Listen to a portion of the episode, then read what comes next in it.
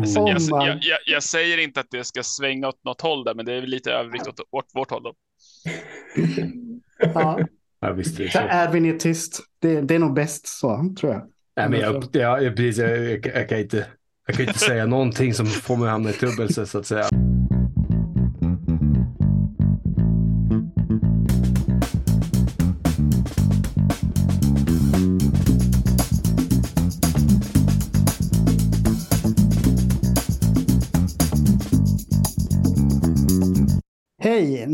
Lyssnar på Rehabsnack, världens enda podcast med en fysioterapeut, en kiropraktor och en naprapat. Jag som pratar nu heter Peter Lindberg och jag är fysioterapeut och med mig idag så har jag som vanligt kiropraktorn Daniel Pantelic. Hallå, hallå! Tjena. Hallå! Och sen har vi också naprapaten Tim Hustad. Välkommen! God kväll. Men idag har vi också lite förstärkning som vi har kallat in eh, från Tyngre Rehab, nämligen fysioterapeuten Ervin Lindén. Välkommen hit Ervin. Hej, tack för att jag får vara med. Men välkommen tillbaka. Du har ju varit med tidigare en gång. Ehm, och jättekul att ha, ha dig här och, och att du är, är vår förstärkning i den här diskussionen idag. Får se om jag är en förstärkning eller inte då. Ja, men det, Du är alltid så ödmjuk. Du... det är självklart. Det, blir, det här blir skitbra. Eh, ni som inte vet vem Ervin Lindén är får ta och lyfta på den här stenen som ni har gömt er bakom. Nej, men eh, vi har ett avsnitt tidigare med Ervin så ni kan lyssna på det om ni vill höra lite mer om honom och sådär. Så tänker jag att vi som vanligt i den här podden går ganska snabbt in på det tema som vi har tänkt att prata om. Och idag ska vi prata om en speciell pendel. Och det är inte pendeltåg här vi pratar om, utan det är en annan typ av pendel. Eh, så temat och frågan som vi ska diskutera idag är Har pendeln svängt för långt åt det biopsykosociala hållet när det gäller synen på smärta och behandling av smärta? Så det kommer vi försöka diskutera idag då. Och detta är ju ett högst aktuellt ämne att prata om.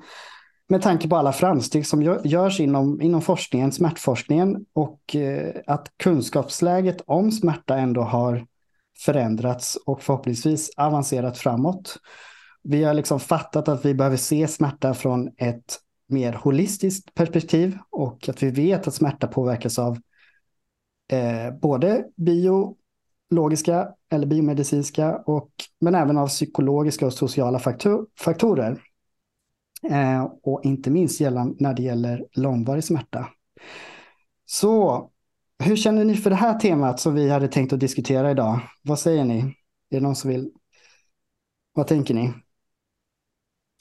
Jag bara fick en eh, spontan eh, tanke där och det är att eh, jag tycker att det kan delas in i egentligen två parallella diskussioner. För att eh, en, ena diskussionen är ju som du är inne på lite grann om vi bara eh, hoppar över bio och kastar oss in i psykosociala grejer och glömmer liksom det biologiska. Eh, Den andra diskussionen är ju lite bredare kanske så här huruvida vi jobbar nog med psykoso- biopsykosocial screening och psykosociala åtgärder och så vidare. Eh, Jag tycker de är lite, lite olika även om de är eh, besläktade diskussioner. Så vi Det kan, var jättebra. ja, Tycker vi kan också. fundera på, eh, på att hålla dem lite särskilda kanske. Mm, jag vet inte om det kommer gå. Jag tänker på en annan grej också. Att det här, att eh, när vi tänker på olika subteman, just att prata om det här med specificitet i tester och screening överhuvudtaget, i manuella undersökningsmetoder till exempel. Spelar det någon roll och eh, har vi kastat ut liksom bebisen med bebis? Vad är det man säger? Jag fattar inte. Fader. Nej, men det är ju också en, det är en närsläktad diskussion, tänker jag, som, Mm. som, som kommer upp när, när man pratar om detta. Har vi liksom eh, gått ifrån det specifika alldeles för mycket Ja, och gått mot det här- ospecifika? den här diskussionen om, om vi eh, överser bio eller bio, biomedicinska faktorer är lite populär eh, sociala mediediskussion egentligen. Ja, Eh, om vi, jag tycker att det handlar mer om hur- huruvida vi lägger för mycket tillit till det här kallade populärvetenskap. Eh, om vi vänder kappan efter vinden i för stor grad och, och sånt där. Eh, det tycker jag vi diskuterar väldigt mycket om i sociala medier. Jag tycker jag ser ganska lite diskussion egentligen om eh, jobbar vi tillräckligt med biopsykosocial screening och åtgärder och sånt där. Jag tycker inte det är en lika eh, spännande diskussion. Eller det är liksom inte det som eh, lyfts mest tycker jag. Nej, jag ser det. Jag kan tänka också lite på vad, vart den här debatten är faktiskt är het någonstans. Om den är mest het på sociala medier, om den är mest het i fikarummen på, på klinikerna överallt. Eh, fortfar för när, jag får någon känsla av att den här debatten den har ju pågått i väldigt många år också. Eh, den är absolut inte ny. Jag har ju bara, jag firar mitt tionde år nu som kliniker. Eh, och jag minns att man pratade om den här pendeln redan när jag började. Jag fattade inte riktigt då, men mm. vad känner ni kring det? Liksom? Jag tror att i sociala medier så är subgrupper, alltså en liten del av oss kliniker så är det nog ganska många som har svängt ganska mycket åt det eh, psykosociala hållet och glömmer bort det biologiska. Men jag tror på det stora hela, de, de flesta kliniker, jag tror säkert det är 90-95 procent som jobbar inom vårt område, så har det absolut inte svängt för högt, långt åt det hållet, utan snarare att man i princip bortser från den biopsykosociala modellen och bara kör mm. biomedicinska. Man letar väldigt mycket efter specificitet och eh, vävnad och vad det är och hur vi ska påverka den manuellt. Jag tror inte att det, det stora skaran tänker för mycket på hur det sociala och det psykologiska påverkar. Ja, också för att komma tillbaka till din fråga tror jag Peter, som jag missade själv när jag började prata om annat. Det var, jag känner väldigt eh, starkt för frågan i sig och debatten, diskussionen, för den är, den är ju är, den är intressant på ett sätt där jag nästan skulle vilja att den tog slut. Eh, för att men jag, är svår, jag har svårt att se om den faktiskt kan ta slut, att det här med att man kan få den här pendeln att sluta svänga. För att, att liksom, man kan hitta någon sån middle ground där vi alla kan gå ifrån. Men eh, eh det kan du fetglömma. Det kan jag också fetglömma, jag, jag, men jag antar det. Liksom. Men, men den kommer ja. fortsätta svinga i all, i all oändlighet. Oh, jag misstänker det. Mm, vi kan väl kanske ha någon liten eh, på slutet där vi eh, kommer fram till vad vi har, liksom, gör i praktiken idag själv och sådär. Mm. Vad tycker ni själva då, om ni, om ni går till er själva? Jag riktar mig lite till dig nu Tim, efter våra diskussioner. Mm. Tycker du att du har svängt tillbaka från att tänka mycket psykosocialt eh, liksom i som kliniker med den uppförsbacken det innebär och sen gått tillbaka lite grann för att det ska vara mer lätthanterligt? Absolut, eh, det kan jag säga. Jag, jag har nog eh, bränt ut mig själv eh, ganska mycket på den här uppförsbacken du nämner. Och eh, det har tagit krafter och det har tagit eh, bort eh, självförtroende och det har tagit bort kul på jobbet och det har tagit bort massa saker egentligen. Men nu ska jag säga att jag tror vi ska fundera och också skilja på huruvida man jobbar kanske för idealistisk. Mm, där har vi en sak. Ja, för, för om man jobbar, om man ska vara liksom eh, Eh, alltså, tänka praktik så, så går det ju inte. Jag tycker att och försöka eh, passa in det här eh, nya psykosociala tankesättet in i den gamla modellen är lite rund eh, pjäs i fyrkantigt hål. Eh, och det känns som att eh, jag har försökt att banka igenom den här runda pjäsen nu i, i åtta år i mitt yrkesliv. Och det har eh, varit väldigt lärorikt och extremt frustrerande. Så, men jag har väl landat någonstans nu, ja, för att svara på frågan här, eh, Daniel, att ja, så absolut de sista par åren skulle jag säga så har jag fått släppa på en hel del av de här idealistiska tankarna och så eh, försökt att tänka vad är det som faktiskt kommer att gynna mig i praktiken, patienterna i praktiken, kliniken i praktiken. Vad är det, vad är det praktiska? Liksom, som, hur kan det funka eh, i det vardagliga? Så ja, svar ja, jag har förändrat en hel del. Jag tycker det är svårt. Jag tycker vi kliniker, eh, vi manövrerar ju liksom i en otrolig gråskala där det saknas evidens, det är motsägande evidens och vi de, de, som väljer liksom det här hållet att allting ska vara så, man behöver inte vara specifik med tester, man ska inte tänka på vävnad, alltså de som verkligen svänger åt det här hållet som vi pratar om. Det, det blir nog inte rätt, utan det är nog något mellanläge som Erwin pratade om, det, att det, det är nog det som är mest rätt för tillfället med best available evidence. Ja. Jag vill bara peta in det, men eh, kanske inte för att försvåra någonting, men jag, jag kan tänka mycket ändå också på vart, varför eller vart vi gick Eh, nu är vi fyra olika, äh, fyra, vi tre olika professioner nu som pratar, men vi fysioterapeuter kommer ju från en rehabiliterande eh, historia. Liksom. Där vart vi gick från att börja rehabilitera funktioner i, i mångt och mycket till att tycka eller tro att vi ska bota folks smärtproblem. Där någonstans har vi ju eh, har det blivit svårare. För jag menar, skulle vi bara koka ner det till ja, men fortfarande, eh, jag, tar, jag tänker på en grej, nu kommer jag kasta, kanske gå lite händelser i förväg, men eh, det här med att man skulle kasta bort den biopsykosociala modellen som man ser vissa eh, skriva om, exempelvis Asaf Klaff och sådär, eh, så kan jag inte förstå. Och att man då skulle döma ut yrken som våra, tycker jag är konstigt, för att folk kommer fortfarande ha ett stort behov av rehabilitering. Eh, oavsett om deras smärta blir av eller inte. För att, eh, ja, eh, det, det försvinner inte. Nej, jag förstår. Men jag tycker också de som kritiserar lite att tänka på den biopsykosociala modellen, de är lite att de, de får det låta som att vi liksom inte undersöker våra patienter för att man också tar hänsyn till dem, att vi liksom inte försöker hitta en orsak, även om vi liksom på något vis lite mer ödmjuka oftast att jag vet inte varför du har ont. Jag kan säga om du har ont här. Jag kan hitta ett område där du har ont ganska okej, okay. men jag vet inte egentligen varför du har ont i hela kroppen eller varför du har ont i ryggen. Det, det är jättesvårt att veta. Jag tycker de som jag känner som är lite mer i som, som förhåller sig till den här modellen är mer ödmjuka i diagnostiken och vilken prognos och hur, eh, man kan lova och hur man också liksom följer upp sina patienter, att försöka undvika terapeutberoende och liknande. Mm. Men det är väl det jag tycker, de här andra, de här som du vet, man kommer till oss, de här riktigt biologiska, så här, jag fixar med mina händer, du ska komma till mig på kontroller nu, det här kan jag lätt komma tillbaka, ring mig direkt så fort du känner någonting, liksom, ta det mm. tidigt. Alltså, det hållet, den, pendeln åt andra hållet, de som verkligen står på ytterkanten av en, en eh, rent strukturell modell. Det är en diagnos, det är en behandling och sen eh, liksom, det krävs en vårdgivare för att fixa det. Det, det är det som jag sätter mig mest emot, att liksom man, man kokar ner ett helt liksom, komplext smärttillstånd till att du har ett, ett, ett stelt bäcken, snett bäcken, en triggerpunkt eller vad det än må vara. Du måste hålla koll på de här bitarna.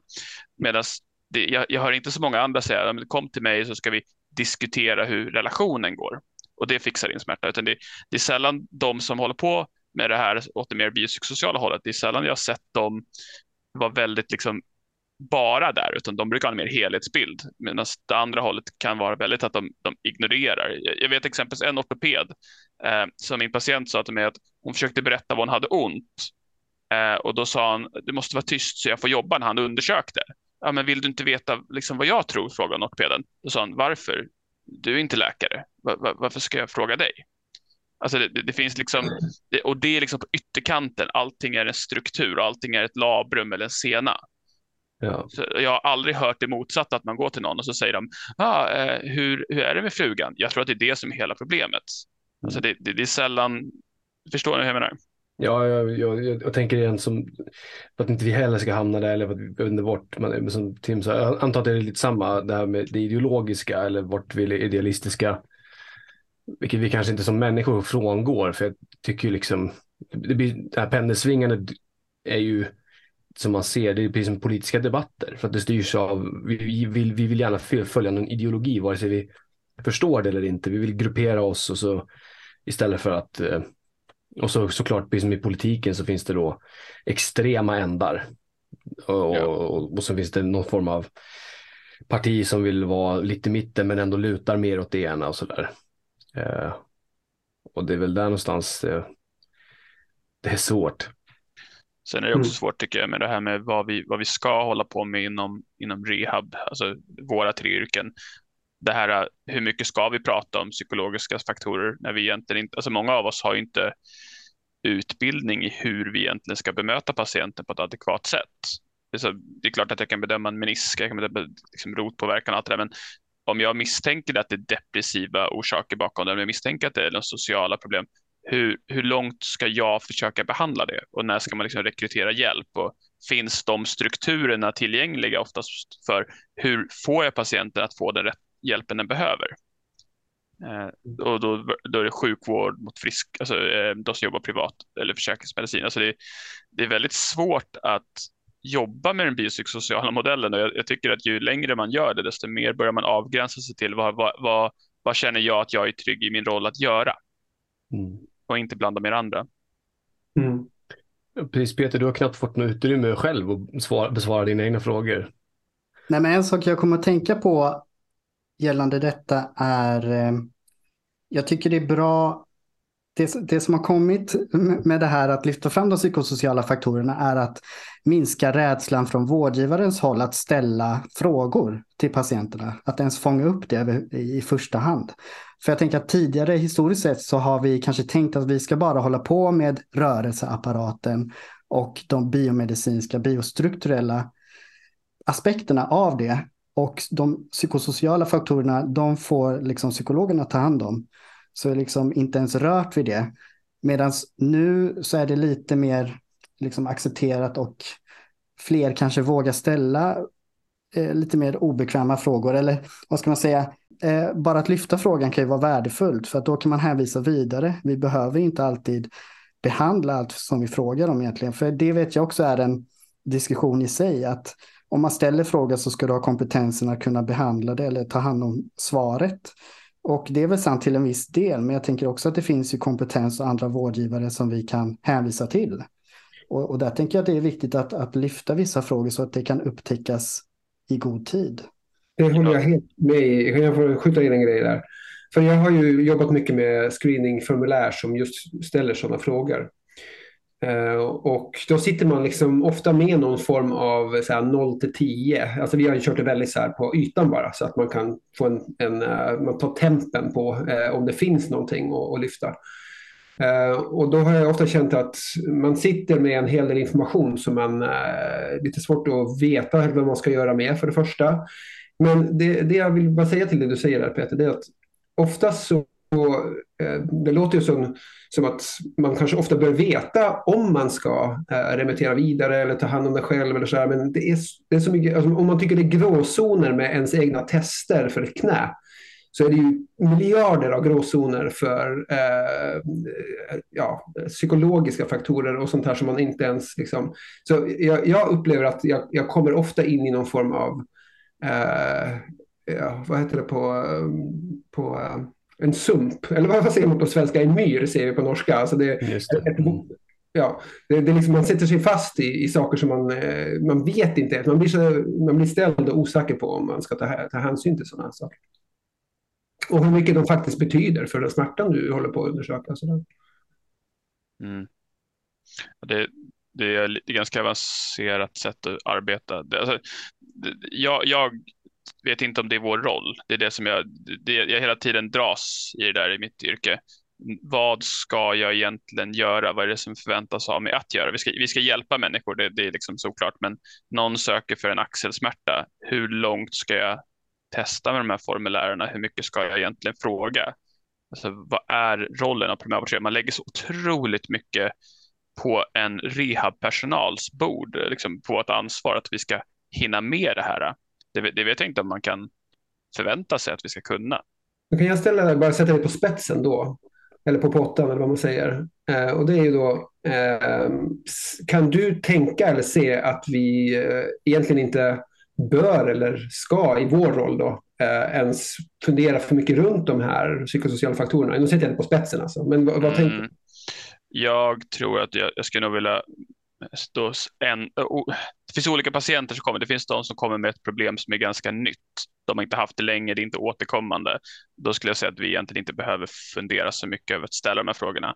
När de har mer en utbredd smärtproblematik eh, och man får en känsla för att liksom det finns underliggande faktorer där det här kan vara relevant. Då ska man kolla på det. Men jag tycker det känns som att det, när man pratar om det så låter det som att man ska applicera den här modellen på alla. Och det är det jag inte riktigt känner att jag vill göra. Jag vill kunna vara lite mer strukturell ibland. Yes. Har ni sett den här bilden på eh, de här bubblorna med biologiska, psykologiska, sociala faktorer? Ja, det är helt nytt Fast... för mig. det är helt nytt den här biopsykosociala modellen, har, har ni hört talas om den? Nej, men det, finns, det, det är en bild med tre olika, med olika storlekar på de här bubblorna. Mm. Eh, just för, för att de här, ja, de kan eh, vara olika, olika stora. Stor. Mm. Ja, olika stora, stora för olika patienter. Och det där tänker jag är en av de största utmaningarna för oss kliniker. Att liksom sortera i det här. Eh, att eh, för varje patient bedöma eh, utifrån ett helhetsperspektiv och sen lite sortera ja, hur ser det ut för just den här patienten? Som du säger Daniel, att det kan finnas de som liksom applicerar ja, eh, en, en, liknande modell för alla patienter oavsett vad de har för typ av smärta. Men det gäller ju att vara flexibel och kunna anpassa sig och möta patienten där den befinner sig, som vi får höra hela tiden. Men det är ju så viktigt, för det är där det kan uppstå eh, missförstånd. Just den här patienten som var med i den här podcasten eh, och talade ut om ja, att hon fick höra att hon skulle, ja men det här explain pain och pain neuroscience education för att lösa hennes problem. Men, men det funkade inte alls för henne för det var inte liksom där, ja hon var inte riktigt där för att hon hade ju väldigt hög kunskap om smärta redan. Eh, och det eh, funkar inte alls för henne och där blir det ju ja, eh, en liten clash. Då har man inte riktigt mött patienten och, och varit lyhörd för vad den behöver eller vill ha. Så det är så otroligt viktigt för att det här ska fungera, tänker jag. Ja, bara för diskussionens skull så kan jag, jag brukar tänka så här, ska jag vara handledare eller coach eller rådgivare? Ska jag hålla patienten i handen genom allting? Ska jag coacha och stå på, sid, liksom på sidan och, och, ropa under processen vecka för vecka? Eller ska jag bara ge några tips och råd och ses om sex veckor och hoppas allt gick bra? Eller ska du ta på dig fixarrollen? Mm. Fast den eh, förstår, har, har vi eh, pratat om att den, jag tror, jag tror att den, det alternativet finns nog kanske hos många också om man inte har eh, valt att frångå det helt, liksom, eller om man inte förstår att man kanske har den rollen. Håller, håller ni med om att det alternativet finns också? Ja, för, absolut. Ja, det, var den jag, det var den jag väntade på när den kom ja, det alternativet. Jag trodde också skulle dyka upp. Nej, jag, Men... jag, jag, tycker att sådana här, eh, också det lite på, kanske för att sätta något stopp för egen del, prata om det ideologiskt, att man borde ha sådana konversationer tidigare med studenter. Man börjar man titta på, får dem att reflektera över så här, vad, vad, kommer du ha för identitet? Vad är det du uppfostras i för antaganden om hur du ska jobba och göra sen? Eh, så att, man, så att man inte, som vi alla fyra kanske har gjort, man kommer på det här mycket senare och som du sa eh, Tim där med den här uppförsbacken och man, man liksom kommer på att lista ut massa saker längs med vägen och så börjar man göra väldigt mycket saker mot sin egen hälsa för att man egentligen vill väldigt många väl och sådär. Och det kan vara väldigt tungt. Ja, det kan, det kan också bli lätt då att man liksom väljer att, att blunda för det. Men jag tycker verkligen, att det här... verkligen. Det tror jag, jag många gör också. Ja, jag, jag Ett sätt att copa. Ja, absolut. Men jag tyckte det var tråkigt när det här, när man började titta på det här, att man liksom kände att alla test man lärt sig och alla behandlingar, alltså att det liksom kändes som att man hade kastat bort väldigt mycket tid. Mm. Men ju längre tid det gick, desto mer förstod man att det, den kunskapen man har om allt det där är ju också väldigt viktig. Om inte liksom, kanske det viktigaste vi har. Men förståelsen för andra känner jag har gjort, att, gjort mig till en mycket bättre kliniker och ja. handledare. Ehm, så det, jag, jag, jag, jag, tror inte att temat är jag har det svängt för långt, utan jag, jag tror inte att det har gjort det. Jag tror att det, det är där ungefär i mitten. Ja, jag gillar, men jag gillar verkligen det du säger. Jag vill ge dig lite eh, cred där Daniel, för att det, jag skulle nog våga påstå att det, det, det fordrar väldigt mycket tankeverksamhet eh, och alltså verkligen mycket slitanden i huvudet för att eh, komma ut på någon annan. Jag älskar, Greg Lehman säger någon gång så här, typ once you enter the, shit, the, the force, eller shitstorm that is pain science. Alltså antingen så kommer du ut på andra änden och så är det lugnt och så känner du dig liksom starkt som kliniker eller så går du förlorad och så hoppar du av liksom. Ja. Um, och jag, jag tror också, jag har spenderat mycket tid till att fundera och, och alltså verkligen reflektera kring sådana saker och kanske att jag känner mig väldigt trygg med den, eh, där jag har landat och, mm. utan att veta allt. Men med just det här, och jag är ändå kvar i yrket och mm. ser det fortfarande som roligt och inte som att så här, jag kommer, jag ju, det kommer att bli skit och med, jag kan inte hjälpa folk och allt jag trodde var värdelöst eller hade ingen mening. Eh, men jag förstår att folk ja, hamnar där. Jag tänker att rehab är väldigt viktigt och det är viktigt att de terapeuterna som kan göra yrket till ett bättre i framtiden, att de är kvar. Um, jag hade en, en, en kille jag kände förut, som, han är chiropractor och han var precis nyexad men otroligt duktig. Verkligen duktig teoretiker, förstod precis allt det här. Han var verkligen ett, ett unikum. Ehm, men han, han valde att plugga vidare till läkare för att han, han orkar helt enkelt inte med ehm, allt det som kommer till oss kiropraktorer. Han, han orkar liksom inte ta den diskussionen om och om igen så att han, han väljer att bli läkare istället. Mm. Eh, och det tyckte jag var synd. Men jag, det är inte så många som kan välja att bli läkare i och för sig, men det, det är nice när man kan välja det. ja, det, ja, precis. Men han hade pluggat, han pluggade inte i Sverige. Eh, men eh, oavsett så, eh, vi pratade om det, liksom, att jag tyckte att det är synd att man lämnar det när han skulle kunna vara en del av att det blir bättre.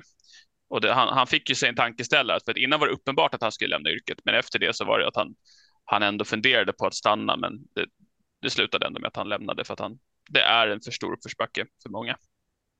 Men den här diskussionen är ju, det är intressant att fundera lite på studenterna. Du nämnde det med handledare och eh, jag har ju bara en, en, kort period själv som handledare och eh, men har ju flera av mina kollegor är, är ju handledare på skolkliniken för naprapaterna. Så jag ställde frågan här i veckan då. Eh, upplever ni att den biopsykosociala modellen har, eller eh, pendeln har svängt för långt när ni eh, är på skolkliniken? Och svaret på detta var väl att det var någon hot zone för två år sedan där det liksom var någon topp. där mycket konstigt kunde hända. och att det verkar ha balanserats ut lite grann de sista par åren igen.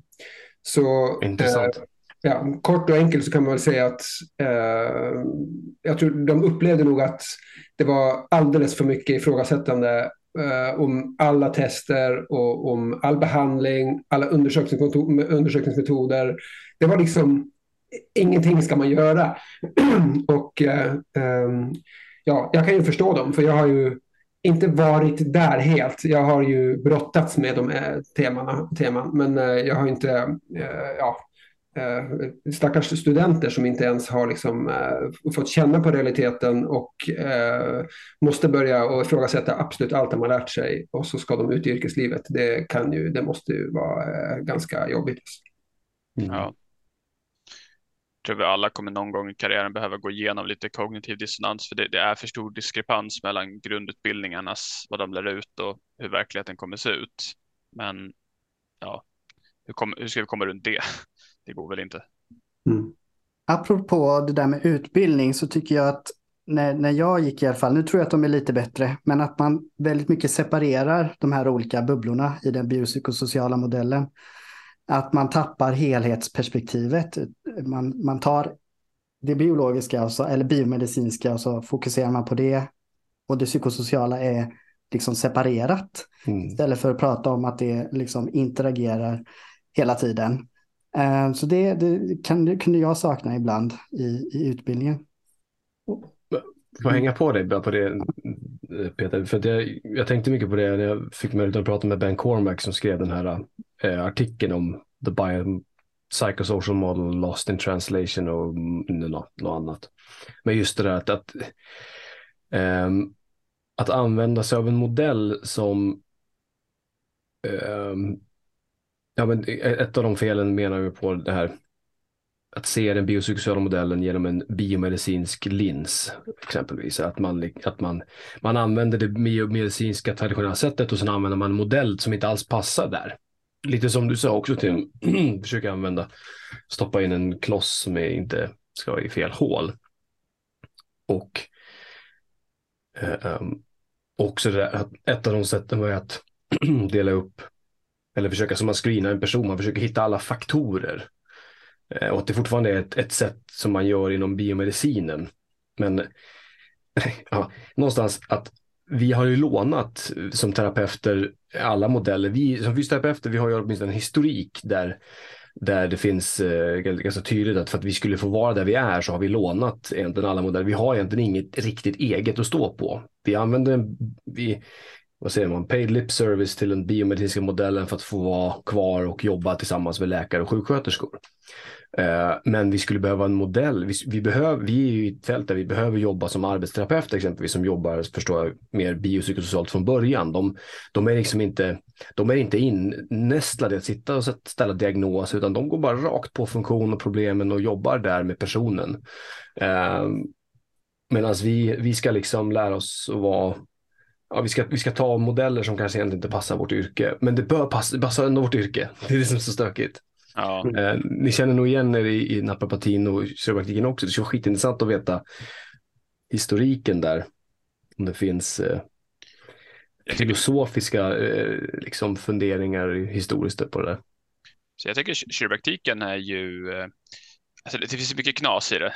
Det, det har, har, jag inte skjutit under mattan tidigare, men, men just det här, vår filosofi, att om, om man ger kroppen förutsättningar för att läka eller må bättre så kommer den liksom sköta det själv, att det, det finns en naturlig strävan åt att, att det ska bli så bra det kan bli, så effektivt som möjligt. Det är ju ganska äh. så här, jag tror ju på den filosofin själv bara rakt här, Jag har ju sett det i min egen kropp. Alltså, eller, ja, det ska inte vara sån, men, äh, men det, det är liksom, ja, det, vår kroppar verkar ju vara så. De följer ju någon form av lag som funkar ja. på det sättet. Men jag tror att det, det är nog rätt. Alltså, det, det, känns som att det är det vi gör. Vi ger förutsättningar och liksom pushar den lite åt rätt håll. Det är väl det som är det fint med rehab, att vi avlastar eller belastar lite åt rätt håll och till sist så blir det mycket bra. Um, sen så kanske jag inte tror på att det finns en liksom, inre kraft som behöver flöda genom ryggraden, men, men det, det, eller ja, det finns ju en, en kraft som flödar genom ryggraden, men kanske inte kan påverkas av just kotknackeri. Men, men uh, jag, jag, jag, tror mycket på att man ska försöka göra så lite inverkan som möjligt eh, på vävnad och mer att liksom få patienten att påverka vävnad och funktion. Men det, det, du säger där tycker jag, det med arbetsterapeuter, man kan bli lite avis ibland eh, med dem man jobbar, just att de har en handbedömning och så liksom, ja, hur mycket rörde sig handen åt det hållet? Ja, då ska du göra det här. Alltså det, det är väldigt liksom, jag, jag, saknar den mekaniska biten där, där det var så enkelt. eh, det, det, är sällan man liksom, när vi får in en hand så ska vi titta på den och sen är det armbåg, sen är det axeln, sen är det nacken, så ska vi fråga om alla sjukdomar och alla Alltså det, det är så mycket liksom det skulle vara skönt ibland om rehab var lite mer avgränsat så som jag förstår att vi förväntas vara, men ändå inte kan vara. Mm. Eh, det är hemskt. Men i vissa fall skulle jag vilja säga att, att ibland är det enkelt. Eh, eh, missförstå mig rätt, men liksom ibland, eh, det kanske inte är, inte så ofta, men ibland får man ju inom citationstecken enkla patienter där det är ganska ja. biomedicinskt, biostrukturellt och det är liksom Ja, sådär. Och övervägande nociceptiv smärta som liksom har en god prognos. Och då behöver man inte gå in på massa screening med Linton score och startback tool och bla bla bla.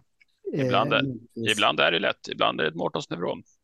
Men det, är, ja, men det är lite det jag menar, att liksom, det vi ofta egentligen pratar om det är ju gällande långvarig smärta, för det är det som är det svåra, det är det som är det komplexa, det är det som är utmaningen. Eh, jag brukar säga ibland liksom att kortvarig smärta, det, det, är egentligen inte problemet för att nästan alla blir bra av sig själva. Mm. Utan svårigheten och utmaningen är de som inte blir bra. Vad gör vi med dem? Och där är det mycket mer komplext. Och eh, då, eh, då, då blir det svårt beroende på hur man ser det. Men om, om man om mer har ett övervägande biomedicinskt perspektiv och de glasögonen på sig så anser jag att man missar stora delar i patientens problematik gällande långvarig smärta. Mm. Kanske för att vara lite djävulsadvokat i det. För någonting som jag är glad över att jag har gjort vissa utbildningar där man fått ta del av, ja, eller jag ska försöka komma till det kortare då. Det finns ju enkla problem som har blivit långvariga också. Ja. Som jag träffar så ofta. Som där så här, bara för att det står, eller du säger att du har haft smärta eller problemet i mer än tre månader eller sex månader, eh, om vi använder de här tempusen, liksom, så betyder inte att det redan har blivit komplext och svårt. Jag har haft skitmånga bara egna smärtor som så här, ja det har pågått skitlänge. Det har gått över gränsen för att vara långvarig smärta. Det blir inte komplexare för det, egentligen. Nej, komple- och, och, helt med. Och den tycker ja. jag är svår, för den, det, det är som om... Oj, det här någonstans... smärta, kallar vi det ja. på kliniken. Ja. Precis. Men, ja. men har du inte, till exempel vi som då, om man har fått sett mycket cases och sådär. Och jag, jag har hört det här, det, vi, har, vi har diskuterat det lite innan vi satte igång idag, men att det finns de som, ja, man, man liksom, det verkar som att det är mer en, en, en, en dra, ett drag hos studenter i alla fall, att man, man, liksom, man blir väldigt psykosocialt lagd, att man då har liksom, då har man man, man, man fattar inte riktigt det här fortfarande att, jag vet inte vad man ska säga, men att, att man, man, eh, man saknar egentligen erfarenheten där. Att, eh, och, och nästan gör för snabba beslutsvägar eller resonemang, vilket man egentligen inte har fog att göra. Nej, det är sant. Jag, jag får jag skjuta in en sak? För gällande återkommande smärta. Eh, jag har försökt att slå några slag tidigare när vi har haft den här podcasten också. Och där jag försöker att agera för att vi, eh, vi, vi jag tror vi förstår, eller vi, vi, vi sätter oss för lite in i patienternas eh, unika problematik och varför de får sina återkommande smärtor och så här. Eh, jag tror att vi gräver för lite, vi förstår för lite för att kunna ge dem de faktiska verktygen de behöver för att förstå tillräckligt nog så att de slutar få ont igen. Jag tror att vi, eh, det, det, det saknas i utbildningen och det saknas i... Jag, alltså jag kan bara säga så här, jag tror de bästa råden jag ger, det är när jag har haft något liknande själv. Herregud vad jag kan ge ett bra råd till någon som har haft, jag har haft impingement. Jag kan ge dem ett jäkla bra råd alltså för hur de ska hålla armarna och så här i de nästa tre veckorna och hur de ska göra för stegvis för att det blir bättre och, och vara försiktig med och vara, utmana sig och allt det här. Det, det, det, jag förstår det. Men det är inte för att, att vi satt och diskuterade det för mycket i skolan. Då var det mer så här, det här testet visar det och det här gör det inte det. Eh, så jag vet inte ens vad jag ska kalla det området och vad, hur vi skulle utbilda i det. Eller, ja, Peter, vad skulle du säga? Eh, jag tänkte säga, vad, vad fasen tänkte jag säga? Jo, jag tänkte säga beteendemedicin. Är svaret. eh, nej, men eh, faktiskt, alltså för mig så har, eh, har det faktum att, eller när jag läst vidare och lärt mig mer om eh, beteenden och beteendemedicin så har det, ja, eh, jag har liksom kunnat eh, hitta svar på, på många frågor. Nej, men just var, det, när vi pratar om eh, copingstrategier och vi pratar om rädsla och undvikande beteenden, vi pratar om eh, endurance copers och avoidance copers och sådär. Och det är så otroligt viktigt. Eh, och just som du säger det här med återkommande smärtan och gräva djupare. Det där när du säger det så tänker jag direkt på beteendemedicin, alltså en beteendeanalys. Varför, vad är det som händer här i ditt liv? Varför, varför återkommer smärtan? Och det, så där tycker jag att just att lära sig om beteende är väldigt hjälpsamt. Men eh, kan jag skjuta in, förlåt? Mm. Beteendemedicin eh, kommer ju sannolikt eh, ge dig kunskap om folks eh, beteenden och hur de utvecklas och hur allt det här. Men men det, det, säger ju ingenting om hur du ska få någon eller, eller vilka praktiska råd du ska ge till en som har impingement för att undvika att få det igen. Förstår du vad jag menar? Så du kan ju lära dig hur du ska ordlägga dig för att skapa en uh, beteendeförändring. Men jag, jag undrar på uh, uh, hur, hur, ska vi liksom ha tiden att att, att utbilda våra patienter till att inte få ont igen och så vidare. Jag tror att många upplever att de, alltså vi naprapater har ju ofta, vi har ju 40 minuter med varje patient varje behandling. Så att jag, har, jag tar ju vara på den tiden och verkligen lägger tid på sånt här. Uh, och jag får ju höra att jag, Tim, du bara pratar med dina patienter. Men, ja, men jag, jag, pratar med mina patienter, jag tror att det hjälper dem.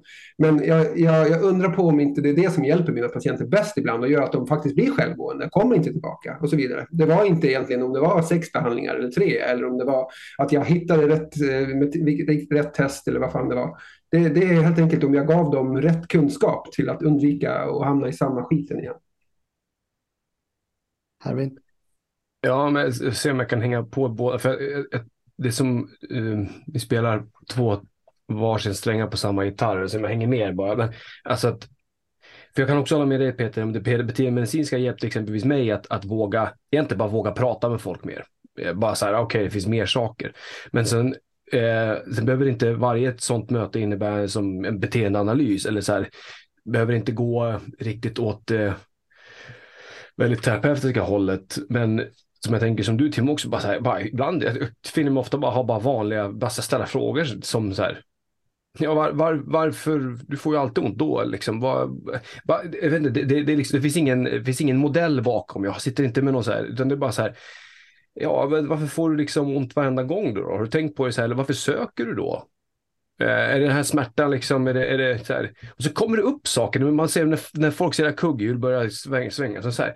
Ja, och så, jag tycker någonting som jag ofta stöter på också är att folk gör ju också bara som man antar att man ska göra. Och också en, eh, utan att krångla till det också, med, som en sån här grej som måste du, måste du söka för varje smärta? Ja, bara en sån fråga ibland, ja, eller jo, jag antar det. Liksom, det, blir, det är väl inget bra om man går runt med det här och så kommer man Nej. kanske fram till att ja, men det här är inget farligt. Liksom. Precis som du också sa till mig, jag också skitont i axeln, jag har inte kunnat sova på ett halvår. Liksom. Men så bara så här, ja, det gick bort, ja, ing- du behöver inte göra någonting åt det. Jag gjorde ingenting. Jag bara fortsatte träna och gjorde skitont, det gick bort. uh, men fan. Men och så, så här, och så man försöker ta det till någon men man försöker också sätta sig in i den personens situation. Bara, men varför är det här så jobbigt för dig då? Och vad kan vi göra för att hjälpa dig på vägen? Det kommer, och här är en liten till grej som jag skulle önska att jag fick mer med mig från tidigare och det kanske är jag vet inte hur länge sån här data funnits, men mer epidemiologisk data, mer bara ren statistik som, som här, jag tror det var de senaste åren som jag fick höra om. Daniel i vår eh, podd nämner ju den här, ja, det finns någon fin studie där man liksom, man, man ser att allting blir bättre på sex månader. Varje, allt, oavsett vad man gör. Alltså, nu, nu ska man, ja, men det, vi har jättemycket data som talar för normalförloppet för väldigt många olika grejer som vi kan fråga oss jättemånga gånger om vi ens kan påverka. Och att vi vet mer om de sakerna och vi kan tryggt förmedla det till folk. För det finns ju fortfarande trygghetsaspekten av att våga lita på sin kropp och så många möten som jag tycker bara så här. Jaha, så det här det är liksom, det är fine, jag kan gå och göra det här. Ja, det är fine. Sen finns det självklart de som behöver, eh, som jag tror är kanske lite mer, Eh, ja men vi alla har olika läggningar åt att man är mer, mer ångestdriven eller mer grubblande och funderande och tycker att det här är jobbigt och det påverkar mer. De behöver kanske lite mer strukturerad hjälp och ja, ni förstår vad jag menar, men eh, där kan jag, i sådana här tankar kan jag också hamna get lost. Jag vet inte om jag fick ihop era två strängar till en till Säga, alltså just gällande beteendemedicin, alltså det behöver verkligen inte vara så komplicerat eller komplext. Utan Nej. beteende är bara våra handlingar. Så det ni pratar om, liksom, eh, när de får, man luskar lite vidare, eh, om det finns faktorer, faktorer eller beteenden som gör att smärtan återkommer. Det behöver inte vara att man behöver smälla upp liksom världens ABC-beteendeanalys och liksom eh, gå på djupet i eh, patientens tankar. Så där, utan men, vad jag menar bara är att man, för det hänger ihop med det som Tim sa, att man luskar lite vidare. Vad är det som händer? Varför återkommer smärtan egentligen? Och det är ju att eh, liksom, det handlar om ens beteenden i grund och botten. Alltså, eh, utifrån beteendemedicinskt perspektiv. Liksom. Sen kan man ju benämna det hur, hur man vill.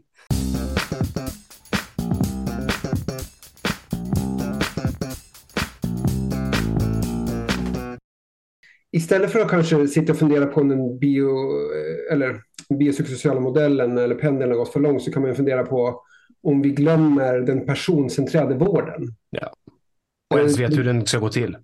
Ja, ja, ja exakt. Till och med. Precis. För det som du beskrev där, Erwin, eh, jag, jag tror vi är på samma sträng i alla fall eh, mycket. Och det är det att, att om, om man har fokus, och man måste ha tid och man måste ha intresse och allt det här, men om man har fokus på att faktiskt förstå den här enskilda personens eh, situation i den grad att du faktiskt kan hjälpa personen med den situationen istället för den axeln som man kommer in och har ont i bara.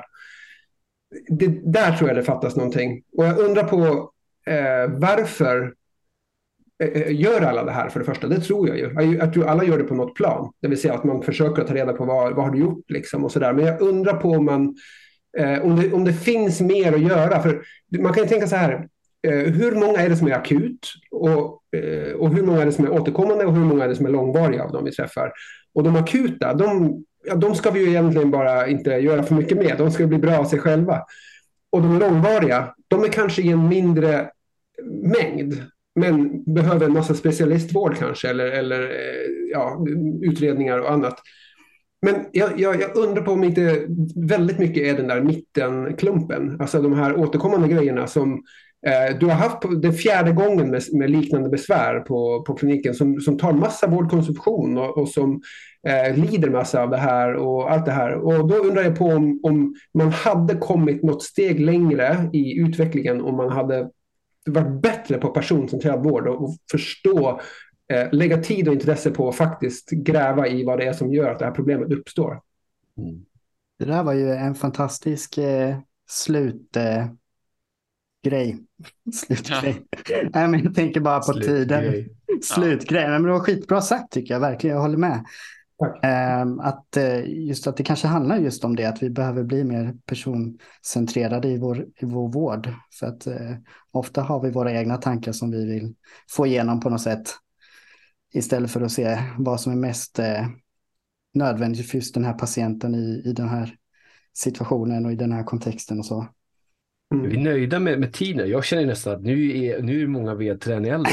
jag känner precis samma sak. Nu är vi, nu är vi igång här. Men det, Daniel liksom... var tyst länge också. Ja, Daniel, du måste få säga någonting här. Vad, alltså, jag, vad jag, tänker jag, du? Den alltså, påminner ännu bättre slutgrej än Tim nu, så ja, då, det, då, får du, då får du stänga om du vill. Det är kul att bara lyssna på det, men jag tyckte ändå Edvin, det där du, det där du sa om när man pratar med patienter och det med prognos. Alltså, det här personcentrerat och allt det där som vi pratar om, det är bra, men just för er som lyssnar så jag har märkt att väldigt, väldigt många patienter blir bättre av att få en adekvat prognos. Ja. Alltså just att man, man säger typ så här, menisket tar så där, det kommer ta ungefär så här lång tid och det viktiga är bara att hålla igång muskeln och ledrörligheten så blir det, så blir det bra. De blir ofta ganska lugnade i eh, Ja, jag har diskbråck. Ja, men då är det en prognos på 6-12 månader. Det, det behövs opereras och opereras det, men vi kommer hålla koll på det här så att det inte blir ett sånt där man skulle opererat, men nu är det för sent. Vi kommer hålla koll på det.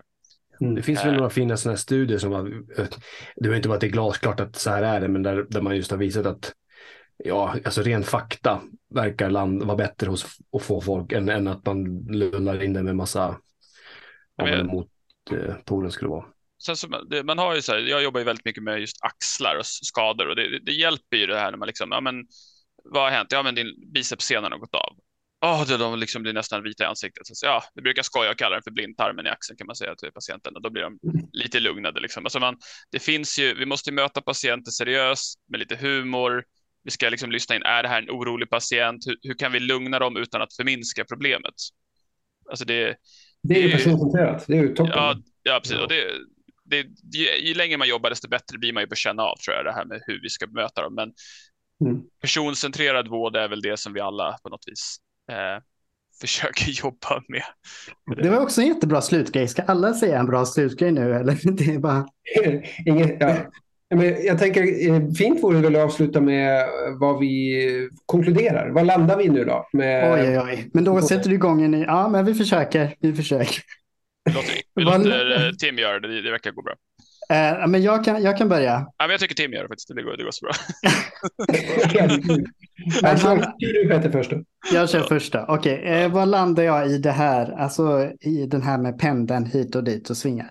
Jo, att den kommer fortsätta, fortsätta svinga fram och tillbaka. Jag tycker det är superviktigt att de här diskussionerna tas upp, att det ifrågasätts. Jag tror det är nyttigt för alla. Alla tjänar på det.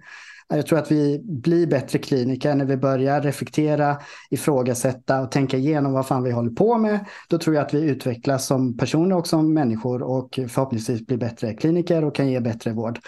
Eh, jag tycker att det som ni tog upp gällande personcentrerad vård är nyckeln och någonting som är liksom, det kommer, ja, det är aktuellt inom, det är alltid aktuellt, men det liksom känns som att det är extra aktuellt nu och det börjar pratas mer om det, börjar forskas mer om det. Vad är det för någonting? Hur gör vi det? Eh, men det är skitsvårt för man har sina, sina, sina skolor och sin utbildning som man ska jobba med. Liksom.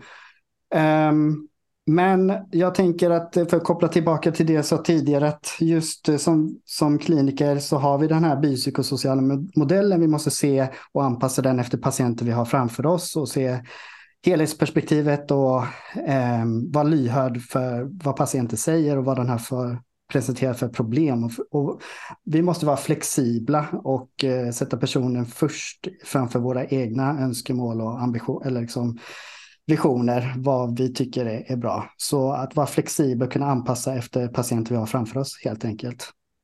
Okay, så om du måste svara ja eller nej på frågan om pendeln är för långt då?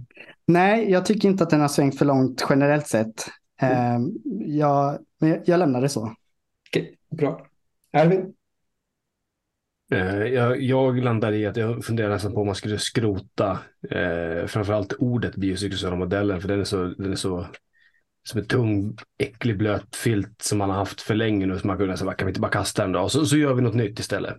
Mm. alltså mest för att vi, fatt, vi vet, egentligen så tror jag inte heller som Peter säger, jag tror inte pendeln har svungit sänkt för långt. Jag tror att det är våra modeller som kanske gör att vi skapar massa ideologier och sånt där. Mm. Eh, Medan att jag tror att må många är eh, gut feeling och mycket sånt där som fortfarande spelar stor roll så vet vi att vi är komplexa och vår biologi är, innefattar allt liksom. Ja, vi, Men, vi, vi lider i att försöka förstå vad det här praktiska, eh, vad vi ska göra i det praktiska egentligen. Ja. Eh, med den här biopsykosociala modellen. Ja. Jag vet inte, jag, eh, jag tror eh, också att man använder personcentrerade, jag, också, jag gillar också ordet det mänskliga, bara det, att vara mänsklig med, med folk. Och, eh, ett annat sätt att säga personcentrerad kanske, jag vet inte. Personcentrerad låter som att man, använder, man, är, man är på en kurs liksom. bara, eh, så kan jag bara säga, så jag, det är väl där jag skulle sluta. Men jag vill också hänga, slänga in en sån här djävulens advokatfråga, för det skulle vara skitintressant att se med tiden. Om vi då, om vi då kan ta vår vetenskap som vi har, och så ska vi se om vi får vi bättre resultat om vi använder ett biopsykosocialt personcentrerat, en aktivistiskt förhållningssätt till alla. Kommer människor må bättre då?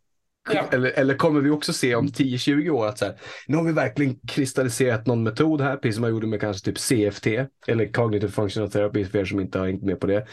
Som man ändå vill idag, så här, ja men det här borde vara typ det bästa vi har, tror vi, eller något. Och så bara, nej det blir, verkar inte vara, det verkar hjälpa vissa, men det är inte fan mycket bättre än allt annat. Nej, men det, det, det har ju med gallring att göra. Att, eh, det tror jag i alla fall. Att eh, om vi, om vi visste exakt vem som skulle må exakt bra av det, för jag har jobbat med den modellen länge.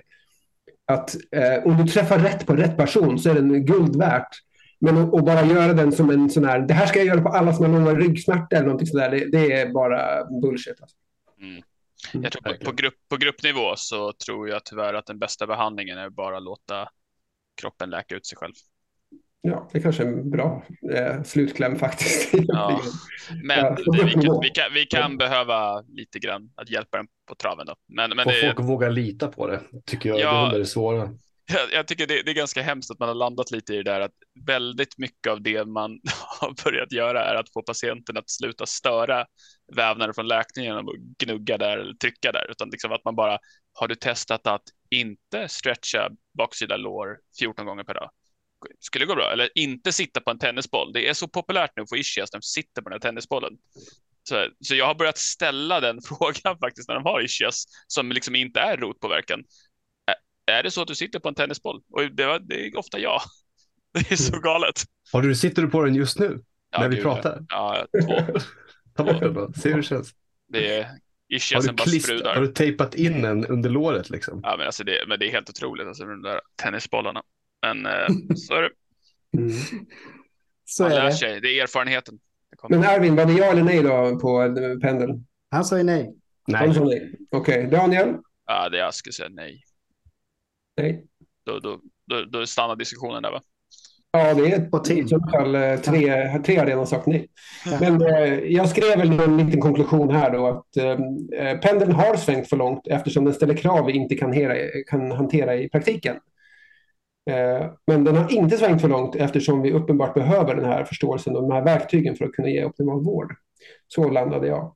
Så, mm. Eh, jag, jag ger en 50-50, men ja, i alla fall nej blev väl övervikten ändå. Ja. Ja men snyggt, det här var ju skitkul. Eh, ja. Erwin, du borde ditcha tyngre rehab och joina oss istället. Det, Nej, är... det tycker jag ska göra. Den här, den här Daniel har hår. Mm. Jag, jag, jag, jag, säger inte att det ska svänga åt något håll där, men det är lite övervikt åt, åt vårt håll. Då. ja. Ja, visst, det är är tyst. Det, det är nog bäst så, tror jag. Nej, men jag, jag, precis, jag, jag, kan inte jag kan inte säga någonting som får mig att hamna i trubbelse så att säga. Men jag uppskattar verkligen att äh, varit med er och snacka om det här. Vi skulle kunna prata hur länge som helst. Ja, jag, säger, jag håller jag, verkligen med. Jag säger fortfarande, jag, man skulle bara egentligen bara ofta ses kring ett bord med massa goda drycker och bara spela in vad som pågår i det här, i, i, i, runt det bordet samtalsmässigt. Ja, precis. Tror jag man skulle kunna ha hur mycket poddmaterial som helst. Det tycker jag. Det var ju något som heter Manips and Sips. Det är ju en podcast som heter det. Så det är alltså ma manipulationer och eh, sitta och dricka bärs eller någonting sådär. Och så sitter de och pratar. ja, så vi, kan ju, vi, vi, vi, får hitta på något coolt namn då. Så får vi köra någon form av eh, barvariant av det vi, det vi håller på med nu. Nu måste vi säga hej då så jag kan trycka på stop record. Ja, på stop tack, tack för den här gången.